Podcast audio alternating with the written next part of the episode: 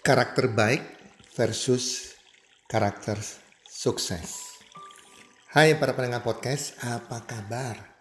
Di mana pun Anda berada saat ini, harapan dan doa kami semoga teman-teman selalu dalam keadaan sehat walafiat dan berbahagia selalu bersama keluarga.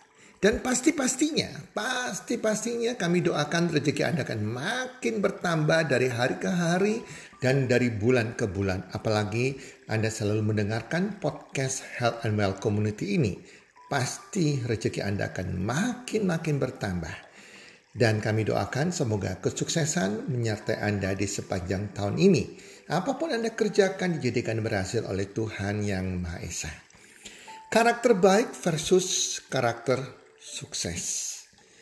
Teman-teman, sahabat setia pendengar podcast Health and Well Community, pada saat saya masih menjadi konselor dalam sebuah organisasi nilaba, banyak sekali anak-anak milenial yang bertanya kepada saya, kenapa mereka atau seseorang yang memiliki karakter baik sekali. Seharusnya kan diberkati oleh Tuhan Yang Maha Esa.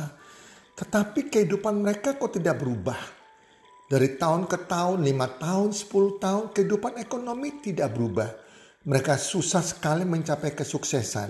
Susah mencapai impian mereka. Mereka adalah orang yang baik, tetapi tidak bisa sukses. Itu menjadi pertanyaan banyak sekali orang-orang milenial maupun orang-orang yang sudah bukan milenial lagi. Mereka bekerja puluhan tahun, hidup mereka tidak berubah sama sekali. Apa yang salah?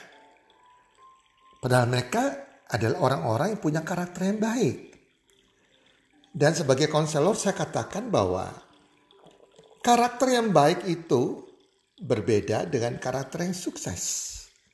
Setiap kita, setiap manusia yang beragama, yang takut akan Tuhan, yang cinta Tuhan, selalu harus menjadi manusia yang punya karakter yang baik.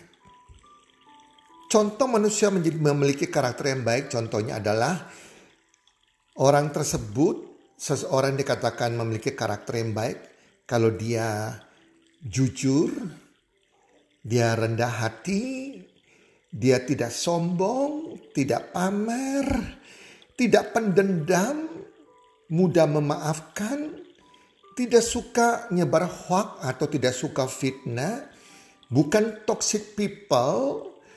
Dia adalah orang yang tidak suka bohong, orang yang menyayangi orang tua, peduli sama orang tua, menghormati orang tua, menghargai orang yang lebih tua, dan ia juga sering mengingat kebaikan orang lain yang pernah berjasa dalam hidup mereka, tidak mudah melupakan kebaikan orang lain. Dia adalah orang yang care, yang peduli sama orang lain, rajin berdoa, rajin baca kitab suci di agama mereka masing-masing.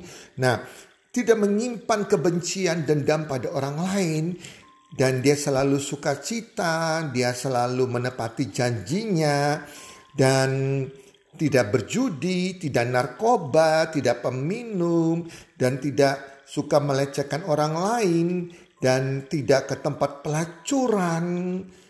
Mereka juga selalu menepati janjinya, tidak suka berhutang, dan kalau berhutang selalu menepati janjinya untuk membayar hutang, dapat dipercaya, dan tidak merampok hak orang lain, ya tidak benci sampai memfitnah, membuli. Nah, ini adalah ciri-ciri orang yang baik, teman-teman. Kita harus berteman, bergaul, lingkungan kita harus orang-orang yang baik, teman-teman. Tetapi sekali lagi, untuk kesuksesan, untuk kesuksesan dalam bidang apa pun, di kuliah Anda dan mencapai prestasi, mencapai goal-goal Anda, mencapai impian Anda, sukses berorganisasi, sukses berbisnis, sukses mencapai impian keuangan Anda, sukses dalam bidang apa pun Anda tekuni hari ini, berkarya dan lain-lain, naik jabatan atau apa pun itu, tidak tidak saja membutuhkan karakter yang baik. Karakter yang baik tidak cukup. Sekali lagi karakter yang baik tidak cukup. Anda membutuhkan karakter. pemenang, karakter orang sukses. Ini beda. Jelas teman-teman ya, banyak orang punya karakter baik. Lingkungan saya banyak sekali, apalagi saya memimpin organisasi hak animal community. Banyak sekali yang memiliki karakter yang baik. Tetapi sedikit sekali yang memiliki karakter pemenang, karakter orang sukses. Sekali lagi, hidup itu pilihan. Kita memilih mau memiliki karakter yang baik atau bukan karakter yang baik. Dan kita juga memilih memiliki karakter yang baik. Kalau sudah punya karakter yang baik, kita mau menjadi orang sukses tidak? Kalau mau menjadi orang sukses, kita harus punya karakter pemenang, teman-teman. Ini hidup itu pilihan. Kalau kita nggak memilih atau memiliki niat serius untuk punya karakter pemenang, maka sulit akan mencapai sukses. Kita hanya tinggal sebagai karakter yang baik. Sampai tua kita dikenal orang sebagai orang yang memiliki karakter yang baik. Tetapi tidak bisa mencapai impian Anda. Mencapai tujuan Anda menjadi mencapai goal Anda. Mencapai prestasi yang diimpikan. Berkarya, berkarya dengan sukses. Oke, untuk membedakan saya kasih contoh. Ya, jadi ini contoh yang jelas sekali ya. Ada dua orang karyawan yang dua-duanya ini memiliki karakter yang baik teman-temannya. Teman-teman ya, jadi dua orang karyawan ini bekerja di sebuah perusahaan, dua-duanya memiliki karakter yang baik. Namun, ya, yang seorang, saya katakan si A, di samping karakter yang baik, dia memiliki kemampuan di atas rata-rata. Kepintaran di atas rata-rata. Tetapi si A ini dia sering menyepelekan pekerjaannya. Dan setiap pekerjaannya dia tidak menanganinya dengan serius, dengan baik. Dia bekerja ya ogah-ogahan, yang penting pekerjaannya beres. Nah, yang seorang lagi, kita katakan si B. Dia memiliki kemampuan biasa-biasa saja. Secara nilai daripada lulusan fakultasnya dia juga IP-nya juga kalah dengan si A. Kepintaran juga kalah dengan si A. Tetapi dia memiliki semangat juang yang tinggi, endurance yang tinggi dia memiliki integritas, dia memiliki disiplin waktu, dan dia selalu serius dalam menangani pekerjaannya. Kalau dikasih goal, tugas, tanggung jawab, dia akan mengerjakannya dengan sekuat tenaganya cepat selesai. Anda kata goalnya itu targetnya satu bulan, dia berusaha dalam waktu 2-3 minggu sudah harus mencapai targetnya. Dia fokus terus kepada goalnya dengan semangat. Nah menurut Anda, siapakah di antara kedua orang tersebut sama-sama orang baik yang masa depan karirnya lebih baik? Si A atau si B? Ayo, si A atau si B? Bisa jadi Anda akan mengatakan tergantung dari keberuntungan kedua orang tersebut. Karena di masyarakat orang percaya dengan keberuntungan atau hoki. Tetapi saya akan mengatakan kepada Anda, saya percaya keberuntungan, tetapi faktornya cuma satu persen. 99% seseorang yang memang nasibnya beruntung, tetapi kalau dia tidak kerja keras, dia tidak memiliki karakter sukses, karakter pemenang, maka tidak akan teman-teman dia menikmati keberuntungan. Nah, keberuntungan itu rumusnya adalah bagi saya adalah hasil dari kesiapan dikalikan kesiapan sorry sekali lagi, hasil dari kesempatan dikalikan kesiapan. Keberuntungan adalah kesempatan yang datang depan kita dikalikan kesiapan diri kita. Nah, kesempatan bisa datang kepada siapa saja dan kapan saja. Tetapi kesiapan hanya bisa dilakukan oleh orang yang memiliki kualifikasi karakter seorang pemenang.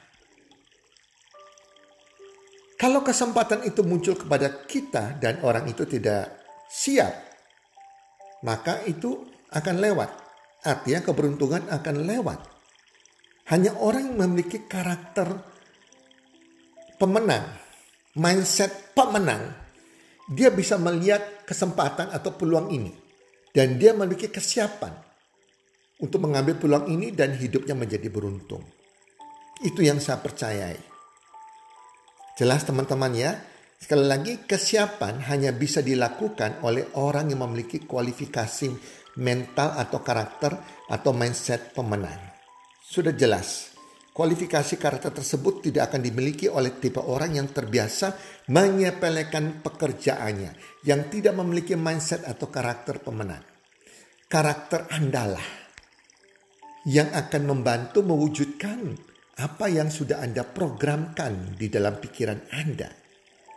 Teman-teman, jika kita mau mengamati orang-orang sukses yang berhasil mewujudkan impian mereka, cita-cita mereka, mereka adalah orang-orang memiliki karakter seorang pemenang.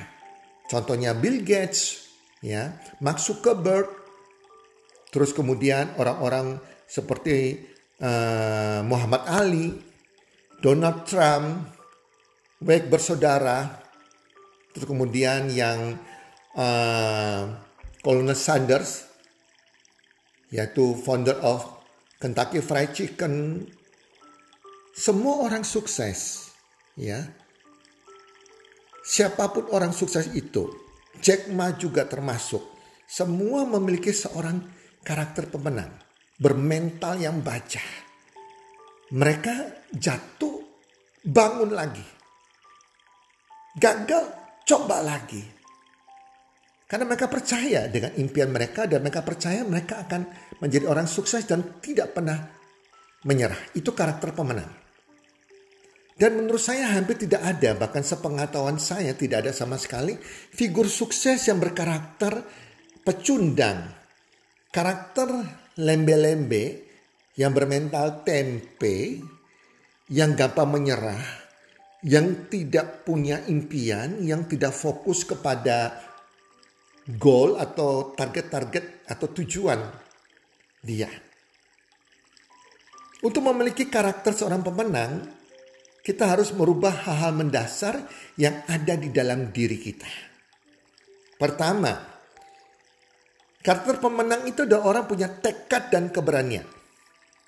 Tekad dan nekat adalah dua hal yang jelas berbeda. Benar bahwa orang-orang sukses biasanya adalah orang yang nekat. Tapi tentunya mereka nekat dengan penuh perhitungan penuh persiapan, bukan nekat bodoh-bodoh tanpa perhitungan, tanpa persiapan. Mau membangun sebuah bisnis mereka harus punya ya perhitungan yang jelas, persiapan bukan hanya nekat punya modal buka bisnis. Oh no, itu ngawur. Teman-teman ya. Dan saya percaya hampir setiap orang pasti bisa membuat perhitungan dan persiapan yang matang. Tetapi kenapa tetap saja hanya minoritas yang berhasil? Hanya sedikit yang berhasil. Yang membedakan adalah bagaimana cara mereka melihat suatu masalah. Orang yang pesimis selalu melihat kesulitan di dalam setiap kesempatan. Meli selalu pesimis melihat semua kesulitan dalam setiap peluang. Tetapi orang yang optimis akan selalu melihat sebuah peluang, sebuah kesempatan di dalam setiap kesulitan. Nah, ini teman-teman. Sehingga di setiap negara, setiap dekade waktu tertentu, jika terjadi sebuah krisis ekonomi, banyak yang hancur. Banyak perusahaan besar, banyak orang kaya yang jatuh bangkrut miskin. Banyak perusahaan yang tutup. Tetapi dalam sebuah krisis ekonomi selalu bermunculan miliarder yang baru bisnis-bisnis baru yang makin sukses. Nah, ini bedanya. Akan muncul orang-orang yang punya karakter pemenang. Dalam sebuah kesulitan, dalam sebuah krisis, mereka melihat sebuah peluang. Dan mereka meraih peluang itu. Sayangnya, sayang sekali teman-teman para pendengar podcast. Lebih banyak orang yang langsung mundur, teratur, hanya dengan membayangkan risiko yang akan dihadapinya. Segala sesuatu selalu dipandang sulit walaupun belum pernah mencobanya. Nah orang-orang yang pecundang ini punya karakter bukan karakter sukses walaupun mereka orang baik. Dikasih sebuah bisnis yang benar, yang tanpa modal, tanpa risiko. Mereka selalu melihat kesulitannya, takut mencoba, tidak berani melangkah. Even bisnis-bisnis yang benar tanpa modal. Itu pun melangkah juga sulit. Bagaimana mau mencapai sukses, mencapai bebas keuangan, mencapai impian mereka walaupun mereka punya karakter yang baik. Namun hal tersebut tidak berlaku untuk mereka yang minoritas. Buat mereka selalu ada peluang dan peluang sekecil apa pun layak untuk dicoba dengan penuh rasa optimis. Mereka berani melangkah, berani mencoba. Hanya 5% orang di dunia ini yang punya mental pemenang seperti ini. Perhitungan dan persiapan yang matang akan meminimalkan risiko. Sedangkan tekad yang kuat akan menyingkirkan rasa takut dan keraguan-raguan teman-teman. Teman-teman maka janganlah heran bila kebanyakan orang sukses memiliki pribadi yang teguh, tidak mudah terpengaruh oleh orang lain. Mereka tegas dalam bertindak dan mungkin bisa agak keras kepala bahkan cenderung dablek karena mereka memiliki pribadi seperti itulah. Biasanya pribadi yang tahan uji dan tidak mudah menyerah. Tapi tentunya semuanya itu dimanfaatkan untuk hal-hal yang positif ya, bukan hal yang negatif ya. Oke, yang kedua kreatif. Raja kapal Onassis, salah seorang tokoh yang pernah saya kagumi pernah mengatakan demikian. The secret of success is to know something nobody else knows. Artinya rahasia untuk menjadi sukses adalah mengetahui segala yang tidak diketahui oleh orang lain. Dengan kata lain, Anda harus berbeda dari orang yang lain. Baik diri Anda sendiri maupun sesuatu Anda tawarkan. Jika Anda tidak dapat memberikan sesuatu yang berbeda, maka Anda akan sama dengan orang kebanyakan. Sesuatu yang sama akan menjadi umum dan tidak mencuri perhatian. Tidak masalah menjadi nyeleneh asalkan alasannya kuat. Inilah sebabnya orang-orang yang kreatif adalah orang-orang yang berpikir out of the box. Mereka selalu kreatif. Orang-orang sukses adalah orang yang kreatif. Jelas teman-teman, mereka menjadi sebuah trendsetter. Tidak lata ikut-ikutan seperti arus kebanyakan bisnis. Sukses orang jual buka bisnis pecel, semua buka jualan pecel Ya, orang jual skin skincare sukses semua buka jualan skincare yang tidak ada nilai tambahnya. Skincare yang yang kebanyakan umumnya tidak out of the box. Nah, teman-teman, jelas ya, dunia ini apalagi dunia bisnis penuh kompetisi yang makin ketat sekarang ini. Hanyalah orang-orang yang kreatif, yang spesial, yang berbeda, yang berpikir out of the box yang akan keluar sebagai pemenang itu. Jelas teman-teman ya. Jadi lagi-lagi dibutuhkan keberanian untuk melakukan sesuatu berbeda dari orang kebanyakan loh teman-teman. Ketiga persiapan. Apa pun yang hendak Anda kerjakan, biasakanlah mempersiapkannya dengan matang terlebih dahulu. Hanya orang yang kurang bijak yang tidak ada persiapan. Pahami betul segala hal yang akan Anda hadapi dan apa saja yang dibutuhkan untuk membuatnya berhasil. Cobalah untuk melihat dari berbagai sisi supaya Anda tahu keadaan sesungguhnya. Jadi, teman-teman semua perlu persiapan. Persiapan dan persiapan itu kata orang sukses. Yang saya pernah belajar dari dia, seorang coach. Dia bilang orang sukses melakukan tiga hal pokok. Persiapan, persiapan, dan persiapan. Sama juga seorang pemain pemain tinju profesional, sekalipun memerlukan persiapan yang matang sebelum menghadapi pertandingan, dia bahkan akan mempelajari calon lawannya dan berusaha mencari titik kelemahannya. Sebegitu pentingnya sebuah persiapan sehingga hasil akhir sebuah pertandingan sudah bisa dilihat dan persiap dari persiapan yang dilakukannya itu. Persiapan teman-teman. Apa pun dipersiapkan, apa Anda mau kerjakan besok, Anda persiapkan hari ini. Apa yang Anda harus kerjakan mencapai target Anda minggu depan, Anda harus persiapkan hari ini teman-teman. Untuk satu minggu ke depan. Tanpa persiapan, Anda istilahnya merencanakan sebuah kegagalan. Keempat, jangan menunda pekerjaan. Jangan menunda-nunda pekerjaan. Orang suka menunda pekerjaan ini adalah karakter orang gagal, karakter malas teman-teman. Ada sebuah peribahasa yang sangat terkenal sekali. Don't wait till tomorrow what you can do today. Don't wait till tomorrow what can you do today. Namun kenapa, entah kenapa banyak orang, banyak sekali orang peribahasa itu dipahami menjadi Don't do today what you can wait till tomorrow. Nah ini beda. Seharusnya kan jangan tunggu sampai besok. Kerjakan apa yang Anda bisa kerjakan hari ini. Itu karakter pemenang. Tetapi banyak orang memahami demikian. Jangan lakukan sekarang. Dengan apa yang Anda bisa tunda dilakukan besok. Ini karakternya pemalas. Saya sering harus menahan rasa jengkel setiap kali berurusan dengan institusi atau instansi tertentu, contoh di kelurahan, kecamatan yang bisa melakukan itu sekarang mereka tunda besok dan beberapa hari kemudian. Proses administrasi yang seharusnya bisa selesai dalam waktu satu atau paling lama eh, satu hari atau beberapa jam bisa molor sampai satu sampai dengan dua minggu. Jadi seperti bunyi iklan seperti merek rokok. Kalau bisa susah, kenapa dibikin gampang? Tanya kenapa? Nah, teman-teman, suatu kali saya pernah tanya di kelurahan, kenapa kok lama banget? Padahal bisa dikerjakan dengan cepat. Ya memang begitu prosedurnya jawabnya. Saya hanya bisa menggeleng-geleng kepala mendengarnya. Jadi teman-teman, biasakan membuat daftar pekerjaan yang harus Anda lakukan. Ya, hari ini Anda sudah persiapan sehari sebelumnya. Jadi contohnya Anda di dunia sosial media saat ini, konten yang Anda mau bagikan besok, Anda sudah persiapkan hari ini. Ke mana konten itu mau dibagikan sudah ada rencana malam ini. Untuk besok tinggal Anda sebarkan bagikan. Gunakan waktu seefektif dan seefisien mungkin untuk mengerjakan dan tandailah setiap pekerjaan yang sudah Anda selesaikan. Sadari bahwa setiap pekerjaan yang tidak terselesaikan hari ini akan menjadi beban untuk keesokan harinya. Benar nggak?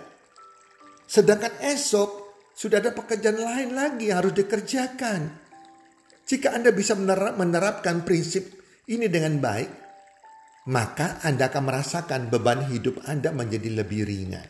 Semua pekerjaan Anda, Anda bisa kerjakan, tuntaskan dengan cepat. Sehingga goal Anda bisa tercapai dengan cepat. Yang kelima, orang sukses punya karakter sukses. Mereka bisa punya manajemen waktu yang baik. Manajemen waktu, mengatur waktu dengan baik. Pada waktu saya di bangku kuliah di Fakultas Ekonomi di Arlangga, ada satu mata kuliah yang sangat saya suka yaitu manajemen project. Mata kuliah ini mengajarkan bagaimana menyelesaikan sebuah proyek yang terdiri dari banyak sekali pekerjaan dengan waktu sesingkat mungkin. Caranya dengan menata tahapan pekerjaan tersebut sedemikian rupa sehingga waktu yang digunakan benar-benar efektif dan efisien. Ada jenis pekerjaan yang hanya bisa dilakukan setelah pekerjaan lain diselesaikan, namun ada banyak pekerjaan yang bisa dilakukan dalam waktu bersamaan. Inilah kuncinya. Ilmu ini sangat membantu saya ketika saya memasuki dunia kerja dalam dunia bisnis sampai hari ini. Terbukti saya bisa mampu menyelesaikan banyak pekerjaan jadi dengan waktu yang bersamaan dengan sangat efektif. Saya sarankan ya teman-teman untuk mencoba melatihnya. Anda sudah membuat daftar, Anda punya blueprint dulu ya anda punya daftar pekerjaan yang yang Anda harus kerjakan. Langkah selanjutnya menentukan mana pekerjaan yang bisa dilakukan dalam waktu bersamaan dan mana yang baru bisa dilakukan setelah pekerjaan yang lain terselesaikan. Jika Anda lakukan dengan benar dan membiasakannya sebagai sebuah kebiasaan, Anda akan terkejut. Anda akan terkejut mengetahui bahwa Anda telah menyelesaikan lebih banyak pekerjaan, lebih cepat menyelesaikan target Anda dibandingkan orang lain dalam waktu yang sama. Yang keenam adalah disiplin waktu. Teman-teman, di Indonesia ada sebuah maskapai penerbangan, saya nggak usah sebut namanya. Saya percaya Anda pernah mengalami dan sangat terkenal karena seringnya keterlambatan jadwal penerbangannya. Begitu melekatnya cap negatif tersebut sampai ketika maskapai tersebut melakukan restrukturisasi, restrukturisasi dan menyatakan bahwa mereka sudah berubah menjadi lebih baik, on time, tetapi tidak banyak orang yang percaya. Sudah identik dengan maskapai ini sering terlambat, nggak on time. Seringkali kalau kita mengecewakan klien atau teman kita dengan datang terlambat, kita nggak on time dengan waktu yang telah disepakati, datang terlambat dalam sebuah pertemuan ya. Nah, jika Anda sekali-kali mencoba sebagai si korban, Anda tentu akan memahami bahwa banyak sekali waktu dan pekerjaan lain yang menjadi terbelengkalai dikarenakan keterlambatan tersebut. Dan itu sangatlah menjengkelkan. Kebiasaan jam karet ini juga menandakan bahwa Anda tidak menghargai orang lain. Ini adalah karakter, bukan karakter orang sukses. Dengan demikian, jangan berharap orang lain akan menghargai Anda, mempercaya Anda. Jelas mereka akan berpikir dua kali jika ingin menjadikan Anda sebagai mitra bisnisnya, sebagai mentor mereka. Jelas teman-temannya, dan jika sudah dicap negatif, sudah terlanjur melekat di diri Anda, itu akan sulit mengembalikan kepercayaan orang terhadap Anda. Kebiasaan jam karet ini membuat waktu Anda menjadi tidak efektif dan banyak pekerjaan yang tidak terselesaikan. Ini menandakan bahwa Anda tidak merencanakannya dengan baik. Lagi-lagi persiapanlah kuncinya, persiapan, persiapan, dan persiapan. Jadi jika Anda mau menjadi orang yang berhasil, be on time in everything you do. Jelas teman-teman ya. Yang ketujuh, apa yang Anda tabur, itulah Anda tuai. Ini hukum alam. Pernah ada seseorang mengeluh kepada saya, konsultasi kepada saya, dia sudah bekerja tujuh tahun. Namun posisinya masih di situ-situ saja. Sedangkan beberapa teman sekantornya baru kerja lima tahun sudah naik jadi manajer. Namun di kesempatan lain, orang ini juga menceritakan betapa dia sangat mengharamkan kerja lembur. Alasannya karena dia digaji hanya untuk bekerja dari jam 8 pagi sampai jam 5 sore. Ngapain saya lembur? Lemburnya juga dibayar kecil, kadang nggak dibayar. Nah, kalau jadi ada pekerjaan tambahan yang membutuhkan extra time, itu adalah urusan perusahaan. Nah, tidak jarang juga orang ini mengatakan bahwa dia tidak mau ngoyo dalam bekerja karena semua yang dilakukannya toh untuk perusahaan. Dan dia yang capek bekerja tapi perusahaan yang menikmati hasilnya. Nah kontras sekali bukan? Jadi sungguh aneh jika ada seseorang yang tidak memiliki komitmen dalam bekerja. Tetapi menginginkan peningkatan karir yang cepat. Jadi anda saya sebagai pemilik perusahaan, saya juga tidak akan mempromosikan karyawan seperti itu. Saya ingin mengatakan bahwa jika Anda tidak setia dalam perkara kecil, jangankan berharap Anda akan diberi perkara yang besar atau tanggung jawab yang lebih besar. Karena perkara besar membutuhkan tanggung jawab yang lebih besar, tidak sekedar gajinya saja yang besar. Melihat kasus teman tersebut di atas yang saya sebutkan tadi, bisa diketahui bahwa falsafah hidupnya sudah salah duluan. Apa pun yang keluar dari diri Anda, dari mindset Anda, Andalah si penaburnya. Dan apa pun yang Anda taburkan, Anda pula lah yang akan menuainya nanti. Teman-teman, sahabat podcast Health and Well, terpikirkan oleh Anda bahwa jika Anda bekerja asal-asalan, bekerja ikut orang, Anda kuliah juga, belajar juga asal-asalan, ya, Anda juga uh, membangun sebuah bisnis asal-asalan, apalagi Anda bekerja, Apakah perusahaan merugi? Ya, mungkin merugi, tapi sedikit saja. Itu bukan hal yang besar. Perusahaan dengan mudah akan menempatkan orang lain yang lebih capable dan masalah dengan cepat terselesaikan. Tapi untuk Anda, untuk Anda, itu suatu kerugian besar. Anda tidak bisa berharap ya skill Anda akan bertambah dengan bekerja asal-asalan. Anda tidak bisa berharap karir Anda akan meningkat, impian Anda akan tercapai, target Anda akan tercapai dengan bekerja asal-asalan. Jika Anda tidak pernah mendapat tanggung jawab yang lebih besar, pengetahuan Anda juga akan di situ-situ saja. Dan kalau Anda tidak membiasakan bekerja dengan karakter seperti karakter penang, pemenang, percayalah, 100 kali Anda pindah bekerja, 100 kali pula Anda akan tetap menjadi staff. Kalau toh Anda tetap ngeyel, pelahan di suatu perusahaan, paling-paling Anda akan dibuang ke divisi yang tidak penting-penting amat. Sampai Anda depresi sendiri, akhirnya Anda memutuskan untuk resign tanpa dikasih pesangon. Tapi dari pengalaman saya, ternyata banyak pula yang justru senang ditempatkan di divisi seperti ini. Dengan posisi idle dan malah dablek. Kesenangan makan gaji buta teman-teman. Untuk yang terakhir ini saya harus angkat tangan. Jadi orientasi orang tersebutlah yang harus dirubah. Jadi buang jauh-jauh pemikiran bahwa Anda bekerja untuk dinikmati orang lain. Apa pun Anda lakukan, Anda sedang menabur untuk diri Anda sendiri. Dan Andalah yang akan menuai hasilnya. Jadi berikanlah yang terbaik dalam setiap pekerjaan yang Anda lakukan saat ini. Kedelapan, bekerjalah lebih pintar. Saya juga tidak mengatakan bahwa Anda harus mau bekerja lembur setiap hari dan mati-matian menguras tenaga Anda. Enggak demikian. Anda harus work smart. Teman-teman, jika Anda lakukan, Anda akan berakhir seperti kebanyakan orang yang hidupnya 7P. Orang-orang yang tidak kerja pinter akan berakhir dengan kebanyakan orang-orang hidupnya 7P. 7P adalah pergi pagi, pulang petang, penghasilan pas-pasan. Sudah waktunya zamannya bukan mengandalkan otot saja, tenaga saja.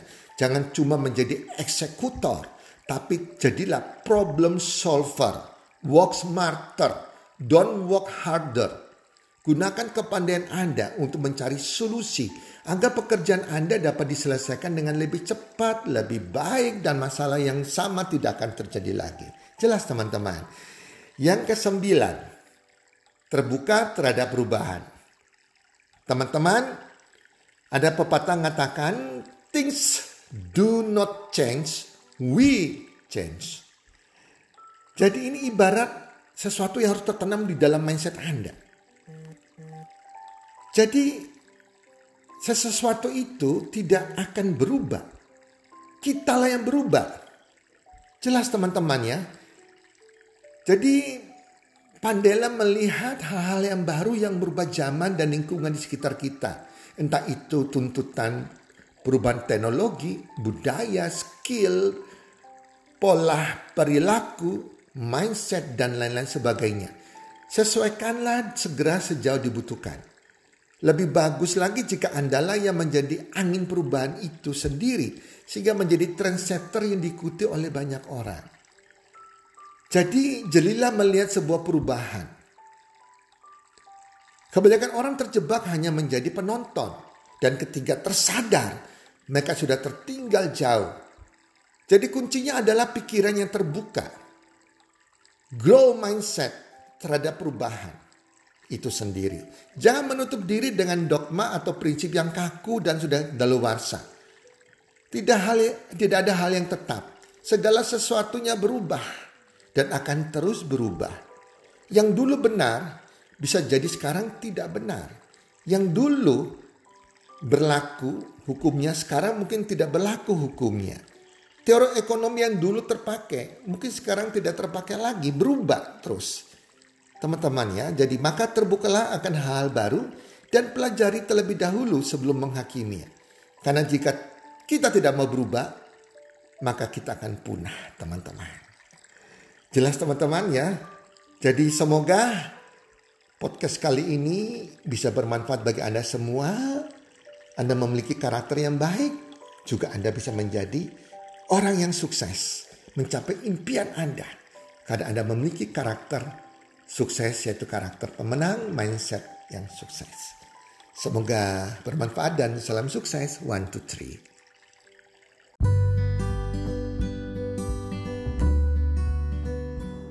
Terima kasih sudah mendengarkan podcast kami.